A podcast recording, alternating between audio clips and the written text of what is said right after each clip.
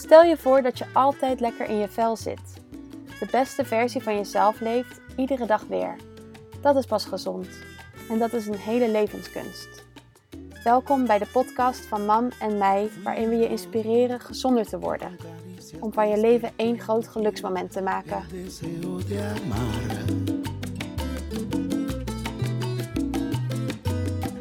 yo quien tocó tu vez con ternuras tu timidez. We hebben het vandaag over intuïtie. Een onderbuikgevoel dat je aangeeft wat het beste is. Hoe kom je dit op het spoor? Ik vraag me af hoe je intuïtie nou kan weten wat het beste voor je is. Maar Lanke legt uit dat het heel logisch is. Kijk maar naar een netwerk paddenstoelen.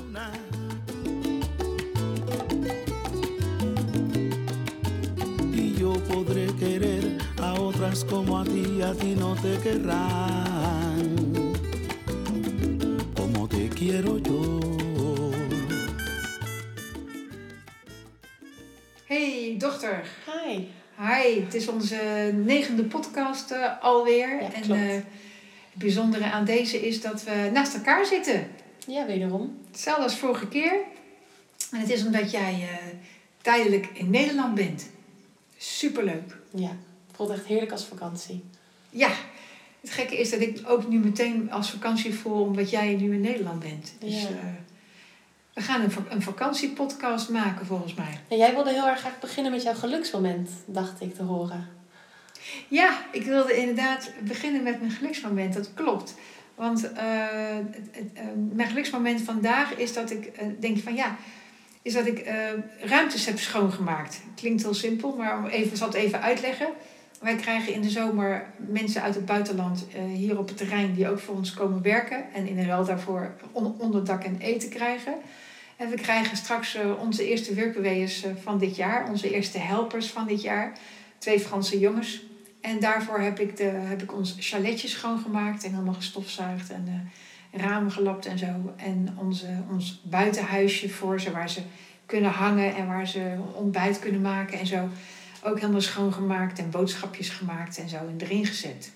En toen dacht ik van ja, grappig hè, dit is echt mijn geluksmoment. En waarom is dit nou mijn geluksmoment? Nou, ik weet dat die jongens hier op vakantie komen, dus ik heb er een vakantiegevoel bij.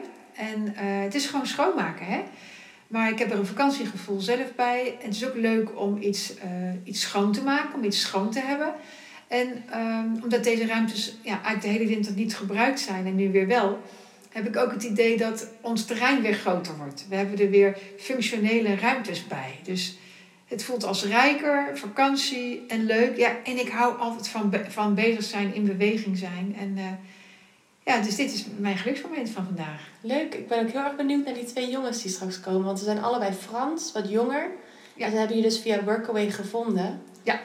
En zij gaan hier een beetje op het terrein werken, hout hakken. Ja. eh, Ja, er zijn twee, web, twee bepaalde sites, twee websites, eh, Workaway en Helpex. En daar kunnen eh, mensen zich op inschrijven als ze uit het buitenland komen om, eh, om bij ons te komen werken. of Nederlanders natuurlijk. Er zijn, er, vorig jaar wa- was er ook een Nederlander, maar ja, ook, ook vorig jaar in deze tijd van corona waren er best veel mensen uit het buitenland nog. Die in Europa waren en COVID-testen hadden gedaan. Ja, ik ben nou eenmaal zo'n ramp. Ik hou er altijd wel van als er, als er iets constructiefs plaatsvindt. En eh, Die ramp zijn we allemaal. Ja. ja. En ik kan best eh, even een keer een paar uur op het strand liggen, maar ja, daar ben ik toch niet echt heel goed in. En het idee dat er hier mensen rondlopen die, terwijl ik aan het werk ben in mijn praktijk of zo, eh, het bos aan het opruimen zijn, ja, dat vind ik gewoon enorm leuk. en het bos opruimen is niet mijn favoriete activiteit, maar ik vind eten koken weer heel leuk. Dus zo heb je altijd wel activiteiten die je, die je wel ligt en, eh, en wat, je, wat elkaar dus weer samenbrengt. En die was er ook een meisje, ze kwam uit Duitsland, misschien met Chinese achtergrond, zei je. Woont nu in ieder geval in Duitsland en zij wilde hier ook naartoe komen, maar ze wilde dan per se een videocall doen. En Ja. ze wilde heel veel zekerheid hebben voordat ze hierheen kwam. En toen zei jij van, nou, dan denk ik dat het niet past. Nee. Want jij, jij wil eigenlijk al meteen een soort bepaalde mindset hebben al voordat mensen hier naartoe komen. Ja, en dan moet ik zeggen dat het allereerste jaar dat we dit deden was 2019. Toen eh, hadden we ook eh, jongens uit eh, Turkije. En ehm, die, die vroegen toen niet om een videocall. Gelukkig, het was ook niet zo, niet zo bekend als nu. Hè? In, in coronatijd is het allemaal veel normaler, zeg maar. En ik denk dat die dat nu ook zouden vragen. En dan zouden ze dus niet komen. Ja. Want ik zou geen videocall doen. Terwijl ik het wel heel leuk vind om hun gehad te hebben. Maar Ja, het is natuurlijk best wel spannend om zomaar naar een plek te gaan. ja, En inderdaad eigenlijk geen gevoel bij te hebben. Of niet op je gevoel te vertrouwen eigenlijk. Want Ja. ja. je weet toch nooit wat je daar dan aantreft. Dan zie je wel leuke foto's op Workaway. Maar ja, dit is ook wel een tijd van zekerheid. En zeker weten. En nog even controleren wie dat dan allemaal zijn. Die ons daar gaan ontvangen. En wat voor taken we dan allemaal gaan hebben. ja, mensen willen, willen zekerheid. Hè? En als ik dan aan dat eerste jaar denk, 2019, toen hadden we hier twee jongens uit Turkije lopen. Ik, ik zou ze echt gevoelig noemen. Eh, maar we hadden ook twee jongens uit Spanje en ik zou ze vol gevoel noemen. En toen realiseerde ik in 2019, er bestaat dus blijkbaar een verschil tussen gevoeligheid, wat ik dan zie als gevoeligheid, of eh, ja, in je gevoel of met je gevoel leven. Er zit een verschil tussen. Ja, die Spaanse jongens waren helemaal volgens het stereotypische beeld ook volledig temperamentvol. En inderdaad gevoelig op een manier dat ze... Ja, werd gewoon open, werden er emoties op tafel gelegd bijvoorbeeld. Maar, maar die Turkse jongens, die vonden dingen heel erg spannend. En soms waren ze heel erg de kat uit de boom aan het kijken. Of schrokken ze van bepaalde dingen. En ja, die vonden het spannend. Dus op die manier gevoelig en Ja. vol gevoel. Ja, dus als je vol gevoel bent, dan, dan accepteer je op, op, tot op zekere mate je, je eigen gevoel. En dan heb je daar ook geen, geen zorg of onrust bij. Maar ben je gevoelig, dan zit er ook ja, angst. eh, heb ik sowieso natuurlijk in mijn, in mijn praktijk mensen die ook echt met angst komen. Dat is natuurlijk voor mij wel een specialiteit, want ik heb zelf in mijn leven heel veel angst gehad. Maar gevoelig zie ik, eh, ja, inderdaad, als je angstig daarbij bent, of in ieder geval heel zorgelijk. Hè, zoals de, want die- Turkse jongens zouden zichzelf niet angstig genoemd hebben. Dus het is niet altijd dat dat voor jezelf herkenbaar is. Maar misschien wel onzeker. Maar wel onzeker. En wat bijvoorbeeld die jongens ook hadden, hè, dan, dan, dan, dan, dan pakten ze een kruiwagen en dan eh stoten ze hun benen tegen. En dachten ze gelijk dat ze naar, naar, naar de dokter moesten, omdat er toch wel iets heel ergs aan de hand was. Omdat ze een Ah. schammetje hadden. Ja, heel aandoenlijk. Want ja, het enige wat dat nodig heeft was even een, een, een aai en een professioneel oog voor mij. En toen, dan konden ze weer door, zeg maar. Hè? Dus, ehm, ja, dus gevoelig is ook iets wat ja, bijna vertederheid eh, op, oproept. En dat is wel een verschil, gevoeligheid of gevoel. Ja, vandaag willen we het hebben over gevoel en over intuïtie. Ja, Want die uitspraak, ik voel het aan mijn water, gebruiken we allemaal wel een keer. Maar het is dus heel erg lastig om het verschil te onderscheiden tussen echt je intuïtie, wat je intuïtie je vertelt, of dat je gewoon stiekem ergens bang voor bent en dat je daar eigenlijk je door laat leiden. ja. ja want inderdaad, eh, angst merk je niet zomaar. En daarom is het woord on- onzekerheid of twijfel of aarzelen. Dat zijn dan wel woorden die we zelf zouden gebruiken, zeg maar. Of eh, eh, ik voel me een beetje door de war. Dat zijn ook wel dat soort dingen die er allemaal bij horen. En ehm, ja, ik, ik heb daar eigenlijk een heel hele simpel foefje voor. Hm. Ben je nieuwsgierig? Het foefje om je, je intuïtie te onderscheiden van bangmakerige gevoelens die niet waar zijn. Ja, van, Aha. van, van zorgen. Dus je gevoel onderscheiden van zorgen. Kijk, want eh, zorgen of onzekerheid is, eh, eh, leidt bijna, ja, bijna, het zijn eigenlijk hele mooie eigenschappen, maar we hebben er pas last van als dat naar iets negatiefs leidt. Dus als we on- onzeker zijn over, en dan, hè, dan is het van ja, maar, eh, ik ben onzeker, want daar vindt hij me stom of niet leuk, of eh, ben ik wel leuk genoeg, of daar gaat het eigenlijk altijd over, toch? Dus, dus twijfel of, of, of, of aarzelen is helemaal geen, geen verkeerde eigenschap. Vind ik juist een hele, iets heel moois hebben. Het gaat ook om bescheidenheid, wat mij betreft. Maar als, het, als wij er last van hebben, het is eigenlijk een negatieve, als het een negatieve vorm gekregen heeft. En bij die negatieve vorm horen negatieve gedachten. Ja, oké, ik zie je knikken, Nieke, dus dan vind jij wel logisch wat ik nou zeg. Het is altijd heel prettig, want ik weet gewoon dat je voor onze luisteraar ben jij wel eh, de logisch makende in deze podcast. Dus als ik jou zie knikken, dan kan ik met mijn, met mijn verhaal doorgaan, eh, begrijp ik. Ja, bijvoorbeeld als je dan voor een keuze staat, dan krijg ik inderdaad soms wel inderdaad gedachten van, nou, dat is misschien niet handig, of dit kan ik toch beter niet doen, want zo'n gevoel. Ja. Ja. Ja, en dat, is, dat houd je even vast, want dat is misschien eigenlijk nog belangrijk om die verder uit te diepen. Hè, want waar ik het nu ook over heb, is van. ehm, eh, stel je voor dat je op- opeens de gedachte hebt dat je iemand zou moeten bellen. Want ik moet, moet opeens diegene bellen. Zou het met diegene niet goed gaan? Nou, en dan is, dan is de vraag: is het nou je intuïtie? Je gevoel, of je gevoeligheid? Of zijn het nou zorgen? Zou jij het weten, dat verschil? Ik zou het niet weten. Oké. Nou, wat mij betreft is het ehm, als je er last van gaat krijgen, dus als je er zelf echt ehm, negatieve gedachten bij gaat krijgen en je voelt, je voelt je er niet fijn door, dan zou ik zeggen: er zitten altijd zorgen in. Niet geloven. Zolang het een positieve naar iets positiefs leidt, wel geloven. Hmm, dus je intuïtie, je water, dat kan je eigenlijk herkennen tussen al die andere gevoelens door aan dat het een meer positieve vibe heeft. Nou, het is in ieder geval zo dat je, ehm, dat je, eh, dat je zorgen naar iets negatiefs leiden. Hmm. Dus als je gedachte of gevoel over iets, ehm, als je daarbij afvraagt of het een, of het een gevo- voorgevoel is ja of nee, als dat iets negatiefs is, dan zou ik zeggen, luister er niet naar. Dan kan het nog steeds je intuïtie zijn, maar dan kan het aandeel zorgen heel groot zijn. Ja, want dat meisje wat dan heel graag hierheen wil komen, maar wel per se die videocall wilde doen. Ja, die voelt niet aan haar water dat het hier allemaal fout zal gaan straks. Want ja, ik ken jou. Ik weet dat je leuk bent. Ik weet dat het hier leuk is. Dus inderdaad, het is niet haar intuïtie die haar van het spoor afbrengt. Dat zijn echt haar zorgen en haar onzekerheid. Ja, dus als je nou eens eh, om te beginnen een negatieve gedachte niet gelooft, waar zou je dat heen brengen? Nou, dat zou ik natuurlijk liefst inderdaad nog veel groter willen maken dan alleen intuïtie en voorgevoel. Maar vandaag beperken we de podcast tot onderscheid. Is het voorgevoel, is het intuïtie ja of nee? Nou, dan zou ik zeggen, stel je voor dat je gedachten hebt van ik moet die en die bellen. Want zou het met diegene wel goed gaan? En als je dan meteen in een negatieve gedachtegang terechtkomt, ja, met diegene gaat het vast niet goed, want zo, zo, zo, zo, zo, zo, dan maak je je zorgen over diegene. Hmm. Skippen. Terwijl als je zegt van, oh, maar ik vind het eigenlijk heel leuk om diegene te bellen, want heb ik lang geen contact mee gehad, of ik bel diegene heel graag, of ik heb er een goed gevoel bij, bij diegene, bel hem dan.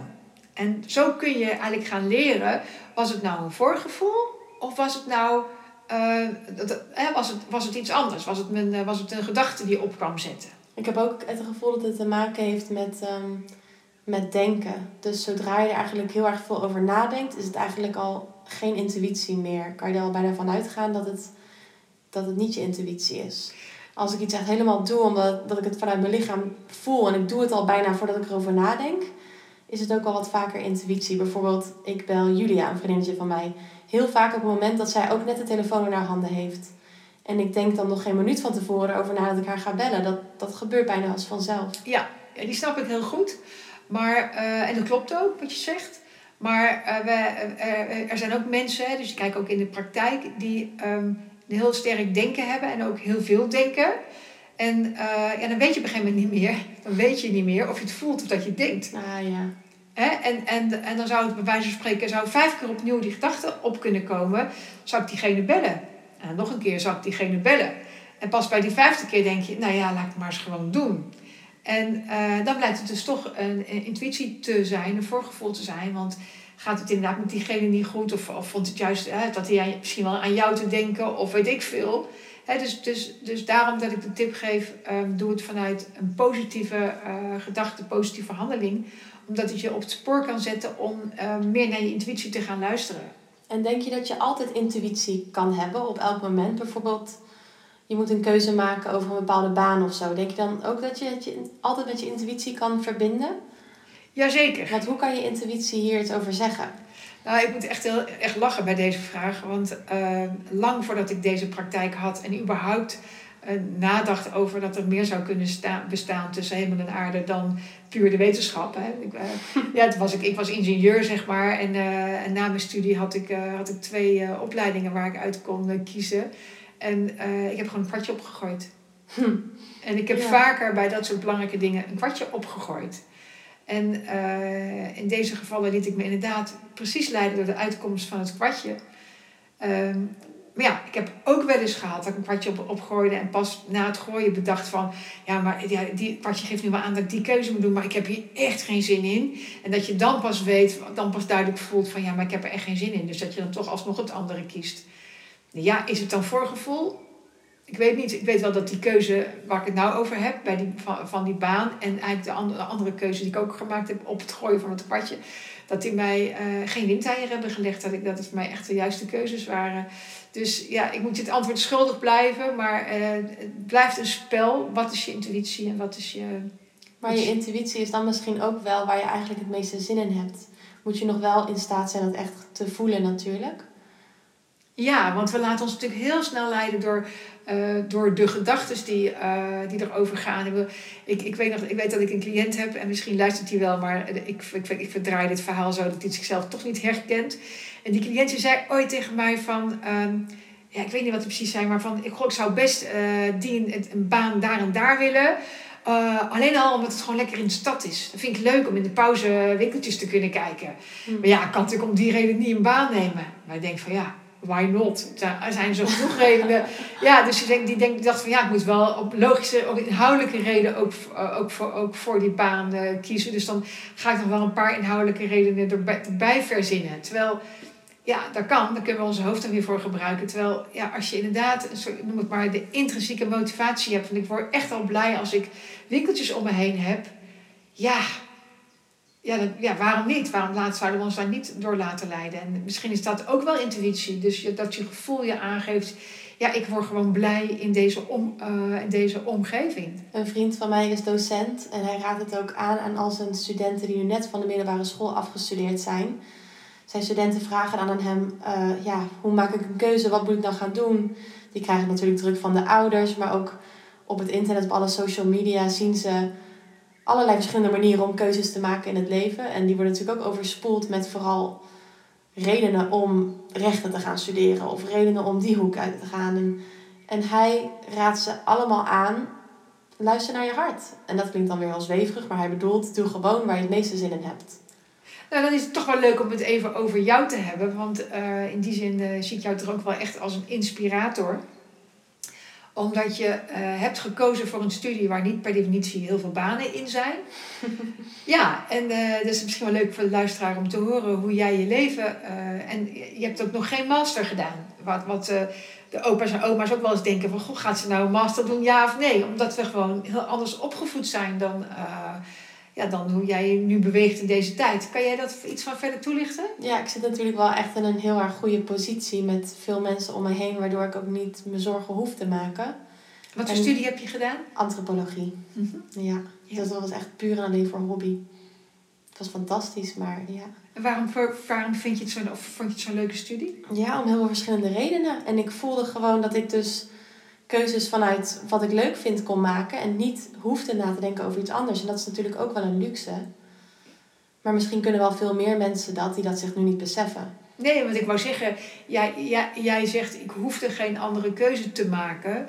Um, ja, vanuit jouw bezien vond je dat je dat niet hoefde. Want je hebt uh, aan de ene kant heb je genoeg uh, spaargeld om je studiebeurs te kunnen betalen. Aan de andere kant heb je ook een studiebeurs geleend. Dus er zijn heel veel andere studenten die dat niet naast elkaar zouden hebben. Een spaarpotje en een, en een leenpotje, ja. zeg maar zeggen. Nee, ik heb inderdaad een flinke lening. Ja, ja, precies. Dus, dus die heb je gewoon. En dat voelt voor jou uh, op dit moment goed. Ook omdat je twee potjes hebt, denk ik. Weet ik niet. Dat is dan weer mijn, mijn mindset. Nee, heb ik niet eens. Ik, ik besef inderdaad nu dat ik heel erg vanuit mijn intuïtie leef. Ja. Maar dat doe ik ook door niet veel na te denken over de toekomst. Omdat het verleden mij heeft geleerd dat alles wel gewoon een uitwerking heeft. Wat, en alles komt uiteindelijk goed. Kijk. Ja, ja, dus op die manier leef ik vanuit mijn intuïtie en doe ik dus alleen maar waar ik echt zin in heb. En als ik ergens niet blij genoeg van word, dan beweeg ik daar ook gewoon vandaan. En ik heb een beetje die mindset van als je ergens toch niet blij genoeg van wordt en je bent niet helemaal blij van iets, je hebt niet heel erg veel zin in iets, ja, waarom zou je het dan doen? Want daar word je volgens mij A, geen leuker mens van. En B, ben je ook niet meteen een aanwinst voor de mensen om je heen, want je bent niet aan het doen waar jij niet heel erg blij van wordt. En het is ook niet zo waar dan veel mensen bang voor zijn dat je dan helemaal niks meer gaat doen. Misschien de eerste week, omdat je jezelf heel lang hebt gepusht. En als je jezelf dan toestaat niks meer te hoeven doen, dan ga je even een week op de bank liggen. Maar vanzelf kom je wel weer in beweging. Ja, het is eigenlijk heel, heel natuurlijk om uh, in beweging te zijn. En uh, ik denk dat er uh, mensen zijn die nu luisteren en die zeggen: Goh, wat ben je ben je na naïef, wat, wat, wat ben je positief? Want uh, ik vind het wel mooi, want ja, dat, dat is mij mijn hele leven ge- tegen mij gezegd. Ik vind het heel leuk om een dochter te hebben die uh, ogenschijnlijk hetzelfde overkomt. Maar ik zou, er, ik zou er een lans voor breken. Dat is echt mijn, mijn standpunt in dit onderwerp. Wordt naïef positief. En omdat het namelijk, ik weet uit ervaring dat het heel veel kost om daar te komen omdat we allemaal onzekerheden en uh, angsten hebben die we, die we los te laten hebben om die positie te krijgen. En ik vond het pas wel heel leuk, want jouw vader die deed een uitspraak uh, waar ik bij zat. En uh, die had ik toch niet verwacht, ook al ken ik je vader al 25 jaar. Want die zat zo naast mij en die was in gesprek met, met je opa en oma. En die zei zo van, ja joh, hij zei het op het Engels, maar ik kan het ook in het Nederlands zeggen, nietwaar? Van ja joh, het leven is eigenlijk een sprookje. Het loopt uiteindelijk allemaal goed af. En uh, ik vond dat echt zo'n mooie uitspraak. Want uh, ja, wij hebben uh, de, laatste twintig jaar behoorlijk wat sores ook meegemaakt. Iedereen heeft zijn eigen sores, iedereen heeft, elk huisje heeft zijn eigen, eigen kruisje, zeg maar. En om daar dan juist positief uit te komen, um, ja, daar, daarmee heb je toch je onzekerheden en je angsten wel, uh, wel voor aan te kijken. Hè? Dus uh, word naïef positief, dat is een uh, hele boute uitspraak. En ehm, er zijn mensen, in het verleden ook mensen geweest die daar kritisch op naar zijn geweest naar mij. Van ja, wat ben jij naïef zeg. Mm. Maar wat is dat eigenlijk? Uh, ik heb het dan eigenlijk meer over sta open om het, om het goede ook te kunnen ontvangen. Ja, en ook om sta open om gewoon op het goede te vertrouwen. Ook al denk je dus dat het heel naïef is en dat de realiteit per definitie. Kijk, we denken bij realistisch al meteen aan wat zwaarder. En als je bij realistisch bent, dan ben je realistisch. Dan hoor je het al aan de stem. Dan, dan, um, dan weet je de cijfers van de criminaliteit. Dan weet je statistieken van hoe vaak dit en dit ongeluk gebeurt als realistisch. Ja. En ik las een boek afgelopen jaar, pas heel laat gelezen. Het heet De meeste mensen deugen. En dat is een soort van wetenschappelijke onderbouwing voor ons naïeve, positieve levensinstelling. Dus dat boek raad ik iedereen aan om te lezen. Want ik dacht dus inderdaad ook, we zijn naïef positief. En dat is best wel negatief eigenlijk. Want ja, de realiteit zit toch wel anders in elkaar. Maar ik, ik, ja, net als jij kan ik maar niet anders zijn dan naïef en heel positief. Dus nou ja, ik las dat boek. En, en dat boek is gewoon een hele wetenschappelijke onderbouwing waarom naïef en positief zijn juist realistisch is. En weet je door wie het geschreven is? Nou, ik ben het gewoon even helemaal kwijt. Oké, nou misschien dat we dat in, in het blog kunnen schrijven wat erbij, uh, wat erbij hoort. Ja. En uh, ja, want ik wil, ik wil er zelf wel iets nog realistisch bij, bij zeggen of zetten, inderdaad. Omdat um, uh, het klopt, wordt naïef positief. Maar daarmee moet je geen dingen lopen ont, ontkennen die er ook zijn. He, dus uh, als je naar jou kijkt, uh, uh, je, je, je, weet wel wat voor geld er inkomt, wat voor geld er uitgaat.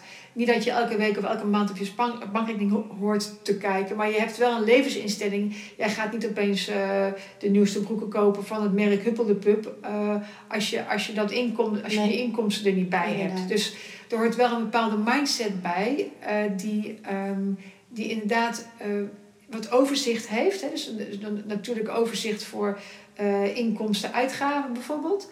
Hè, want wat naïef positief, die klopt. Maar ik kan me herinneren dat ik in het begin van mijn uh, praktijk een cliënt binnen heb gehad. En die uh, wilde heel graag professioneel yogales gaan geven. En daar hebben we het best lang over gehad. En ik kreeg maar niet duidelijk wat zijn inkomstenstromen uh, zouden zijn. En elke keer had hij daar weer een ander verhaal bij. Dus ik vroeg echt wel door. Ik wilde ook echt de cijfers op papier hebben. Dus hij moest ze zelfs aanleveren. Maar ik kreeg daar gewoon niet helemaal uh, grip op. En uh, uiteindelijk was echt een van mijn allereerste cliënten. Uiteindelijk is hij ook ontevreden weggegaan. Want hij vond dat ik een verkeerd advies had gegeven. Namelijk dat hij, ik zou nooit een advies geven, maar zo heeft hij opgevat dat hij een bepaalde baan niet zou, aan zou nemen. Want hij wilde yogaleraar zijn. Dat is sowieso een bepaalde uitleg. En ik zou het misschien heel anders communiceren dan ik het uh, uh, 13 jaar geleden deed. Maar het geeft wel aan dat je wel iets moet weten en kennen van je fundament en van je achterland. Hè, wat moet je, wat wil je, wat zijn je wensen, wat zijn je verwachtingen? En, ja, wat voel je? Dus je onderzoekt je gevoeligheid bijvoorbeeld. Um, ja, wat, wat, wat geef je uit, wat krijg je binnen? Ja, we hebben nou eenmaal wel gewoon geld nodig. We hebben dat wel nodig. Dus inderdaad, je intuïtie kan je misschien best wel vertellen waar je allemaal enorm zin in hebt. En dan is het ook heel goed om daar achteraan te gaan, want eigenlijk vertelt dat je dus gewoon waar jij goed voor bent. Ja, Niet precies. alleen waar jij goed in bent, maar ook goed voor bent. Op welke manier je dus de beste versie van jezelf kan worden. Mhm. Gewoon door dat gevoel achteraan te gaan waar je echt het meeste zin in hebt. Kan je nu Maar je hebt meteen een voorbeeld geld geven nodig. Van jezelf? Als je zegt van ja, het ge- het gevoel waar je achteraan mag gaan, geeft ook aan waar je goed in bent. Vind ik een hele mooie opmerking. Ja, ik vind dus tekenen heel erg leuk. En ik zit er dan nu allemaal vraagtekens bij te zetten van ja, wat, wat wil ik daar dan mee doen? Maar eigenlijk is de basis gewoon dat ik het heel erg leuk vind. Dus heb ik ook een tablet gekocht, mijn laptop daarvoor ingeruild, zodat ik lekker kan tekenen daarop. En ja, ben ik een beetje aan het verkennen wat ik er dan mee wil. Maar ik ga in eerste instantie wel direct in op die wens om meer te tekenen. Ja. Best wel lastig als je inderdaad nog niet... Het is fijn als je er een constructief plan bij hebt. Oh, dan ga ik logo's ontwerpen en dan wordt dat mijn roeping of zo. Ja, dat heb ik inderdaad helemaal nog niet. Nee. Maar ik begin wel even bij die interesse dan. Ja, ik moet, ik moet altijd denken aan, ehm, eh, aan de ervaring die wij ooit samen hebben gehad. Dat we, gaat, dat we, dat we van die go- goedkope treintickets kochten. En dan samen een hele dag gingen treinreizen. Weet je nog? Dat was natuurlijk voor de coronatijd. Maar ehm, eh, een aantal jaren terug. En dat we op een gegeven moment dachten van... Nou, we willen gewoon niet weten waar we heen gaan. En... eh, toen hebben we een ticket gekocht en toen keken we ook niet naar de bordjes eh, die bij de treinen stonden. En toen gingen we gewoon in de trein zitten, weet je nog? Ja. En toen gingen we zitten in die trein en die trein die reed niet weg. Nee. En toen kwam de conducteur naar ons toe en die zeiden, ja, willen jullie uitstappen? Want deze trein heeft geen bestemming. en dat vond ik heel mooi, want eh, dat heb ik jaren, hè, nu ik mijn visie heb ontwikkeld op eh, hoe je duurzamer gezonder wordt, waar, eh, waar die vijf stappen bij horen, hoort ook bij welke richting wil je op. Daar moet je dus wel iets van snappen, want welke kant wil ik op? En toen wij dus eh, eh, daarna gingen kijken, van we hoeven niet de plaats te weten, maar we willen wel het gevoel weten wat we willen hebben vandaag. Hè, toen we die dag gingen treinen, toen bedachten we avontuur en eh, lekker eten. En nou ja, we hadden een paar van die leuke dingetjes, weet je Een nog? markt. En een markt. En toen zijn we nog steeds zonder naar de bordjes te kijken in de trein gestapt. Maar toen hebben we precies de dag gekregen die we wilden hebben. Ja. En ik vind dat nog steeds een heel leuk voorbeeld. Want als je hem dan vertaalt naar jouw eh, wens om te tekenen, dan is het, eh, nou ja, je weet dus dat het tekenen is de, is de trein. Je weet dus dat je wilt tekenen. Hè? Je, wil, je wil instappen. Ehm, eh, maar misschien is het ook nog wel leuk om te onderzoeken ja, wat je zou. Je hoeft niet te weten wel, wat voor product je op gaat leveren. Maar misschien wel over van wat wil je meemaken on- onderweg. ja, wat zijn je intenties? Ja, met wat voor kleuren wil jij, wil jij schilderen? Of, of zijn er bepaalde illustraties die je eerst wil leren, wil leren natekenen? Wat trekt je om te gaan leren tekenen? Of, dat zijn wel vragen die je jezelf eh, aldoende, hè, aldoende kunt eh, stellen. Om, eh, om toch die richting wat meer vorm te geven. Ja, en om dus ook meer zicht op je intuïtie te krijgen. Want dat, daar zijn wij dan eigenlijk ook mee bezig. Ja, want wat, hoe zou je je intuïtie nog meer noemen in deze situatie? Ja, eh, bij intuïtie denk ik aan een onderbuikgevoel wat eigenlijk jou in een bepaalde richting stuurt. En dan kan je je dan aan overgeven of je kan er overheen met je hoofd. Ja. Met allerlei gedachten. Ja. Dus intuïtie herken ik vaak als ergens waar ik heel veel zin in heb, zonder dat ik erover nadenk bijvoorbeeld. En dan kan mijn hoofd denken, oh dat is niet echt een heel erg goed plan vandaag. Maar dan is het denk ik toch mijn intuïtie die dan in eerste instantie aangeeft dat ik iets zou kunnen doen, want ik heb er zin in. Ja, die, die snap ik helemaal. Ben ik het ook helemaal mee eens. Maar als, jou, eh, maar als je nou zonder na te denken opeens zin hebt in een enorme roomsoes, is dat dan ook intuïtie? Nou ja, dat, hmm, ja, dat is inderdaad een heel goede vraag. Ja, ik zie straks, zag het zo ineens voor me. Dus, ehm, want daar moest ik zelf eh, aan denken. Toen ik, eh, ik ben dus nu een maand eh, vegan aan, het, aan het eten. Gewoon om, om te testen van, ja, hoe voelt dat voor mij? Ik heb het laatste jaar veel blaasontstekingen gehad. Ehm, dus ik wil weten hoe dat, hoe dat bij me werkt. En het liefst ook nog granenvrij deze, deze weken. Gewoon een, vrij oud. En ik stond toch vorige week, was met je vader een weekend in Middelburg op vakantie. En ik stond daar in de winkel en daar hadden ze opeens vegan ijs. Dus eh, ik helemaal op de vibe, yes, we gaan vegan ijs eten. Maar toen bleek die man ook vegan taart te hebben. Zie ik, yes, nou vegan taart, ik koop taart. Dus ik twee stukken taart gekocht daar met het idee van, nou ja, heb ik goed gedaan, is vegan. en dan kijk je, kijk je vader dan zo aan, hé hey, hey, hey, schat, uh, jij ook een stuk morgen? Ja, ik ook een stuk morgen. Ik loop die winkel uit en ik dacht, uh, je vader is glutenvrij. Dat is ook gek. En hij zegt niet eens nee, maar hij denkt gewoon gelijk, oké, een stuk taart. En oh ja, ik zou ook nog koolhydraatarm eten. Wat heb ik nu gedaan? Dus is dit nou intuïtie? Of op wat voor gevoel heb ik nu die beslissing genomen? Oh, interessant, ja. Ja, want je had hier, je hebt, iets in jou heeft dus blijkbaar wel een enorme behoefte aan, aan dit eten. Ja, zeker. Of misschien aan het gevoel achter dit eten, namelijk ontspanning, alles mag. Ja. Even lekker in de zon zitten. Ja. Dan zet je intuïtie zet je aan tot een actie die misschien niet helemaal slim is, die je dan later ook eigenlijk niet meer wil. Maar volgens mij zit er wel een intuïtie achter, namelijk wat aangeeft dat je dus ergens behoefte aan hebt. Ja, en, en dat is best het ingewikkelde, want uh, als ze met z'n allen behoefte hebben aan, uh, aan vet, zoet, zout, uh, eiwitrijk, is dat dan intuïtie of niet? Ja, maar gaat maar eens een, een week je helemaal, jezelf helemaal toestaan om het te eten elke dag. Dan krijg je intuïtie op een gegeven moment, vind je die wel weer terug hoor. Zo ontmoette ik mijn vriend vorig jaar en hij at toen keto. Dus we aten heel erg veel dierlijke producten. Heel veel kaas, heel veel eieren. Want we dachten dat dat dan... Of hij dacht vooral dat dat dan gezond was. Dus geen koolhydraten, maar alleen maar vetten. En op een gegeven moment voelde ik dat ik het niet meer wilde. En ik wist niet waarom. Want ik had geen buikpijn ervan. Ik had geen... Ik, ik kwam niet aan. Ik had geen nare dingen lichamelijk. Ik vond het ook hartstikke lekker. Maar iets in mij zei dus... Oh, ik wil eigenlijk helemaal geen kaas en yoghurt meer eten. Oh, maar ik vind het wel heel erg lekker. Ik had er wel echt nog behoefte aan, ook in een emotie-eetachtig schema. Maar een andere stem in mij zei dus, oh nee, maar toch voelt het niet goed. Dus hier stonden die twee stemmen even naast, naast elkaar. De emotie-eetstem, die dus heel veel zin had in vet en, en alles. En, en toch ook echt een andere stem.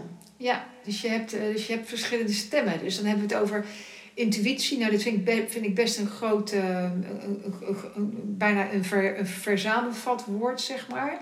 Maar als we intuïtie vertalen als onderbuikgevoel, dan is het dus uh, een gevoel wat je ergens bij hebt. Terwijl emotie eten doe je ook vanuit een behoefte en een gevoel, uh, maar misschien wordt dat wel meer gereguleerd door je hersenen. Omdat, die, omdat een hersenen gewend zijn om korte termijn oplossingen te verzinnen voor, voor hoe je, om, om jezelf weer in balans te brengen. En korte termijn oplossingen doen die prim, primitieve hersenen. Dus het zou kunnen zijn, maar ben ik echt aan nu in overleg met jou en samengang met jou aan het ontdekken. Dat had ik van tevoren nog niet zo, zo duidelijk uit, uitgedacht. Maar dat onderbuikgevoel en korte termijnoplossing met je hersenen wel twee verschillende dingen zijn. Maar um, wat ik bedoel, jij zegt van als je een week zoveel snacks en zo eet, dan, dan komt er wel een tegenstem. Ja, dat is bij jou zo. Maar er zijn genoeg mensen die, die zo jarenlang eten en daar helemaal geen last van hebben. Ja. Dus uh, is bij hun dan misschien de intuïtiestem nog uh, een heel klein stemmetje? Ja, intuïtie is dus inderdaad niet zomaar waar je zin in hebt. Dat is dus niet. Dat is dus te kort door de bocht. Dat is dus te kort door de bocht. Dus, uh, dus dan is waar je zomaar zin in hebt, is meer. Hè, dat, dat kun je dus in twee sporen kun je dat dus verdelen. Je echte onderbuikgevoel en je korte termijn oplossing dat via je hersenen gaat. Dus eigenlijk je echte achterliggende behoefte, je achterliggende zin hebben in of ja. Ja, en, en dat, is, dat is natuurlijk ook waarom ik mijn boek heb geschreven, Gezonde voeding bestaat niet. Omdat um, als je alleen maar uh, blijft zeggen dat die korttermijnoplossing niet mag, hè, of, of, als je, of, je, als je daar, of juist als je daar onbewust aan toegeeft, ja, hoe kom je dan op die laag dieper uit? Dat het emotie eten niet mag, dat je niet ongezond mag eten. Ja, als je niet ongezond mag eten, ja, hoe kom je dan op die, op die, op, op die diepere laag uit? Want, dat, dat, want ja als je, als, je niet mag, als je dat niet mag, mag je dan je gevoel niet gebruiken. Hè? Geef je dan eigenlijk een on, uh, onbewust signaal aan je lichaam aan dat je, dat je, dat je niet het een gevoel bij eten mag hebben. Dus dat is echt ingewikkeld. Hm. Snap je het als ik het zo vertel? Ik hoop dat de luisteraar het ook snapt. Dus, want dit is best een ingewikkeld onderwerp. Wat is gevoel en wat is gevoeligheid? En vaak denken we dat we voelen. En wat is het verschil in vredesnaam hier allemaal tussen? Ik vind het wel heel erg leuk om het verschil nu te hebben tussen inderdaad negatieve gedachten. En dat dus, dat dus vaak intuïtie niet is. Ja. precies. Dat is wel leuk, want dat creëert al iets meer vertrouwen. Want jij weet het natuurlijk ook uit ervaring met cliënten die je hebt begeleid. Negatieve gedachten zijn eigenlijk nooit intuïtie. Nou, ik, ik hou altijd wel van alle opties openhouden. Natuurlijk kan een negatieve gedachte wel intuïtie zijn. Stel je voor dat je, dat je zelfs droomt dat er een ongeluk gaat gebeuren en de volgende dag gebeurt er een ongeluk. Dit, dit, soort, dit soort gedachten zijn natuurlijk gewoon waar. Alleen om meer op het spoor te komen van je intuïtie, hè, om, je, om je diepe gevoel, laat ik het zo maar even zeggen, je diepe, eh, gevoel, je diepe gevoeligheid, om die meer naar boven te krijgen. Nou ja, geloof dan gewoon tijdelijk die negatieve gedachten niet. Maar heeft de intuïtie altijd gelijk? Je diepe innerlijke weten, ja, wat mij betreft, eh, heeft hij altijd gelijk. Ja, ik denk het toch ook. Ja, En het- dan komen we toch weer bij zo'n hocus pocus onderwerp waarvan ik denk, in praktijk zie ik dat het werkt, maar ik snap er geen bal van. Maar inderdaad, intuïtie heeft eigenlijk gewoon altijd gelijk. Als ik iets aan mijn water voel en ik weet dat het dus mijn intuïtie is wat ik voel en niet mijn korte termijn Nieke die chocola wil eten. Wat ik echt voel van, ah, dit voelt eigenlijk gewoon het beste. Dan klopt dat uiteindelijk ook. ja weet je, en, en aan de ene kant klinkt het heel vaag, aan de andere kant ben ik altijd blij dat ik ecoloog ben. Want dan denk ik altijd maar aan die paddenstoelen die boven de grond groeien. En op het moment dat we niet weten dat een myceliumnetwerk bestaat, zijn we kei verbaasd dat er elke keer weer een paddenstoel boven de grond komt. Tot je beseft dat er een mycelium onder de grond bestaat. En dat die, dat die schimmels allemaal met elkaar verbonden zijn. En, eh, en zo is dat met ons mensen eigenlijk ook volgens mij. Hebben wij ook gewoon een mycelium-netwerk eh, onder de aarde lopen, weet ik veel. Ja, in de lucht. Ik las daar een onderzoek over dat er misschien iets in de lucht om ons heen zit, waardoor we ook bepaalde prikkels kunnen opvangen. En dat, daar zijn we ons dus niet bewust van. Prikkels die helemaal niet om ons heen op dit moment gebeuren, maar ergens anders. Ah, het zou dat- leuk als ja. dat, dat onderzoek op het spoor zou komen. Ja, dan moet ik echt even hard zoeken. Maar ik heb het gelezen afgelopen jaar ergens. Nadat Nou. ik inderdaad een documentaire zag over het mycelium. Ja, nou, en, en ik, en ik zei pas nog tegen een cliënt van... stel je voor dat we allemaal een radiostation zijn... zonder dat we daar erg in hebben. We vinden het heel normaal, hè... dat een radio zo is gebouwd dat hij een golf op kan vangen... en dat hij dat omzet in muziek. Hè, dat, zijn, dat vinden we ondertussen heel normaal. Maar hoe ongrijpbaar is dat eigenlijk? Ja, en stel je voor dat we allemaal een radiostation zijn... en dat er veel meer in die lucht, in die lucht eh, voor golven en deeltjes eh, gaan. Ja, ik ben in die zin ook altijd dol op de elektromagnetische eh, de, de ideeën daarover en over de kwantummechanica en zo. Maar stel je voor dat er heel veel eh sinusgolven door, door, door de lucht gaan, maar we zien ze niet. En we hebben allemaal radiogolven zijn. Ja, nog niet. We zien ze nog niet. Radiogolven eh, oppikken, laat, laat ik het zo zeggen. Nee, we zien ze misschien dat we over 10, 20 jaar eh, dat we dat allemaal wel kunnen. En dat we veel meer weten over ja, dat, dat, dat, dat er veel meer bestaat dan alleen maar die harde tafel of, het, of, of, of ons fysieke lichaam, maar dat er ook qua energie misschien veel meer bes- bestaat. Ja, we hebben dus allemaal een potentie op echt een, een superpower. Namelijk die intuïtie van ons, die ons echt heel erg goed de goede richting in kan sturen. En de eerste tip is dus, maak een onderscheid tussen je negatieve gedachten en volg in eerste instantie eens die positieve. Dan kom je al iets meer op het spoor van je intuïtie. Ja, en ik moet zeggen, toen ik zelf daarmee begon, toen, toen was ik in een tijd van her, her- herstel van eh, hoofdletsel. Ik was anderhalf jaar bijna ziek. En ik dacht echt dat ik nooit meer beter zou worden. En eh, toen had ik, zat ik was best wel wanhopig in die tijd. En eh, toen, toen, toen in overleg met mijn zus, mijn tweelingzus, zei, toen zei ze van... Goh, je hebt best ook veel negatieve gedachten. Kun je die gedachten niet eens positief maken? Vond ik echt een geniale opmerking van haar. Want we, we, we vergeten ze vaak in de tijden dat we ze nodig hebben. Hoeveel negatieve gedachten heb je eigenlijk? En eh, kun je ze eens positief maken? Nou ja, ik had zoiets van, dat kan toch niet werken zeg. Mijn negatieve gedachten positief maken, dan zou ik, zou ik opeens hersteld zijn van hoofdletsel. Zo'n enorme chronische klacht. Ja, hoezo zou dat kunnen werken? Eh, dus ik was heel sceptisch, zoals ik heel vaak sceptisch geweest ben in mijn leven. Maar toen dacht ik, nou oké, ik heb alles al geprobeerd. Ik heb alle hè, medicijnen, alles al gedaan. Eh, als ik het nu eens wel ga doen, ehm, hoe lang kan ik het dan doen? Ik dacht, nou, een halve dag. Langer hou ik het niet vol. Dus toen heb ik het een paar keer een halve dag gedaan. En toen ben ik het daarna gaan opbouwen naar een hele dag of eh, twee dagen. Hè. En, en elke keer van, nou, dan doe ik het. Ik hou een tijdje vol om positief te denken. En na die, na die termijn mag ik gewoon alle negatieve gedachten binnen laten die er zijn. Want je hoofd is nog gewend aan negatief denken. Staat gewoon op standje negatief. Ja, dat is waar mijn hoofd finaal op stond. Standje negatief. Dus het voelde echt als, alsof je tegen jezelf aan het liegen was. Doordat je die negatieve gedachten positief naar jezelf ging terugkoppelen. Ja, en het voelde als een magneet die, die elke keer als ik dan iets positiefs probeerde te denken, meteen zei: Ja, zal wel, huh, en dan hup, bam, Ja, het negatief. waarschijnlijk wel misgaan, bla bla. Precies. Of eh, jij met je positivo. Hè? Dat, dat, al die negatieve opmerkingen, ik ken ze allemaal, want ik heb ze in mijn eigen hoofd gehad. Ja, Dus, eh, maar weet je, eh, het is voor mij wel de way out geweest. Dus ik ben zo wel genezen. ja. Dat is leuk. Dus wil je meer op het spoor komen van de intuïtie, begin eens met je negatieve gedachten op het spoor komen. En al voelt het dat je tegen jezelf liegt, ga eens meer op je positieve gedachten in en probeer die negatieve ook eens om te zetten.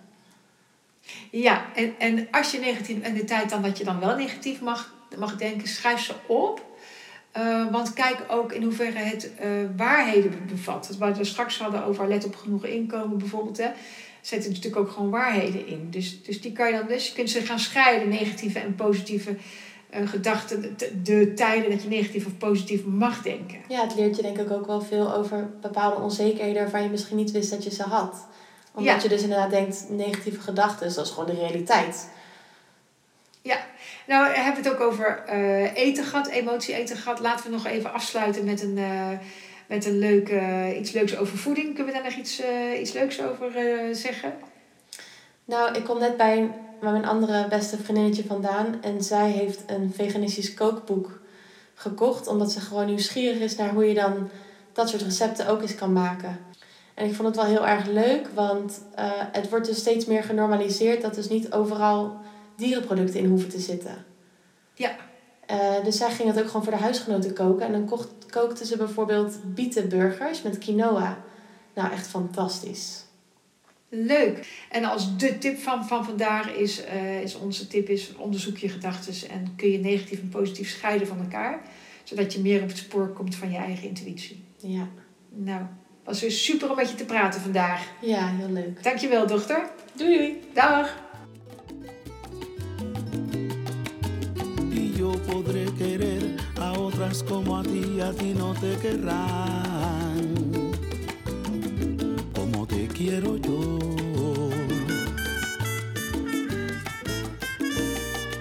Fui yo quien te citó en un parque por primera vez y con canciones el sol te bajé, ese fui yo.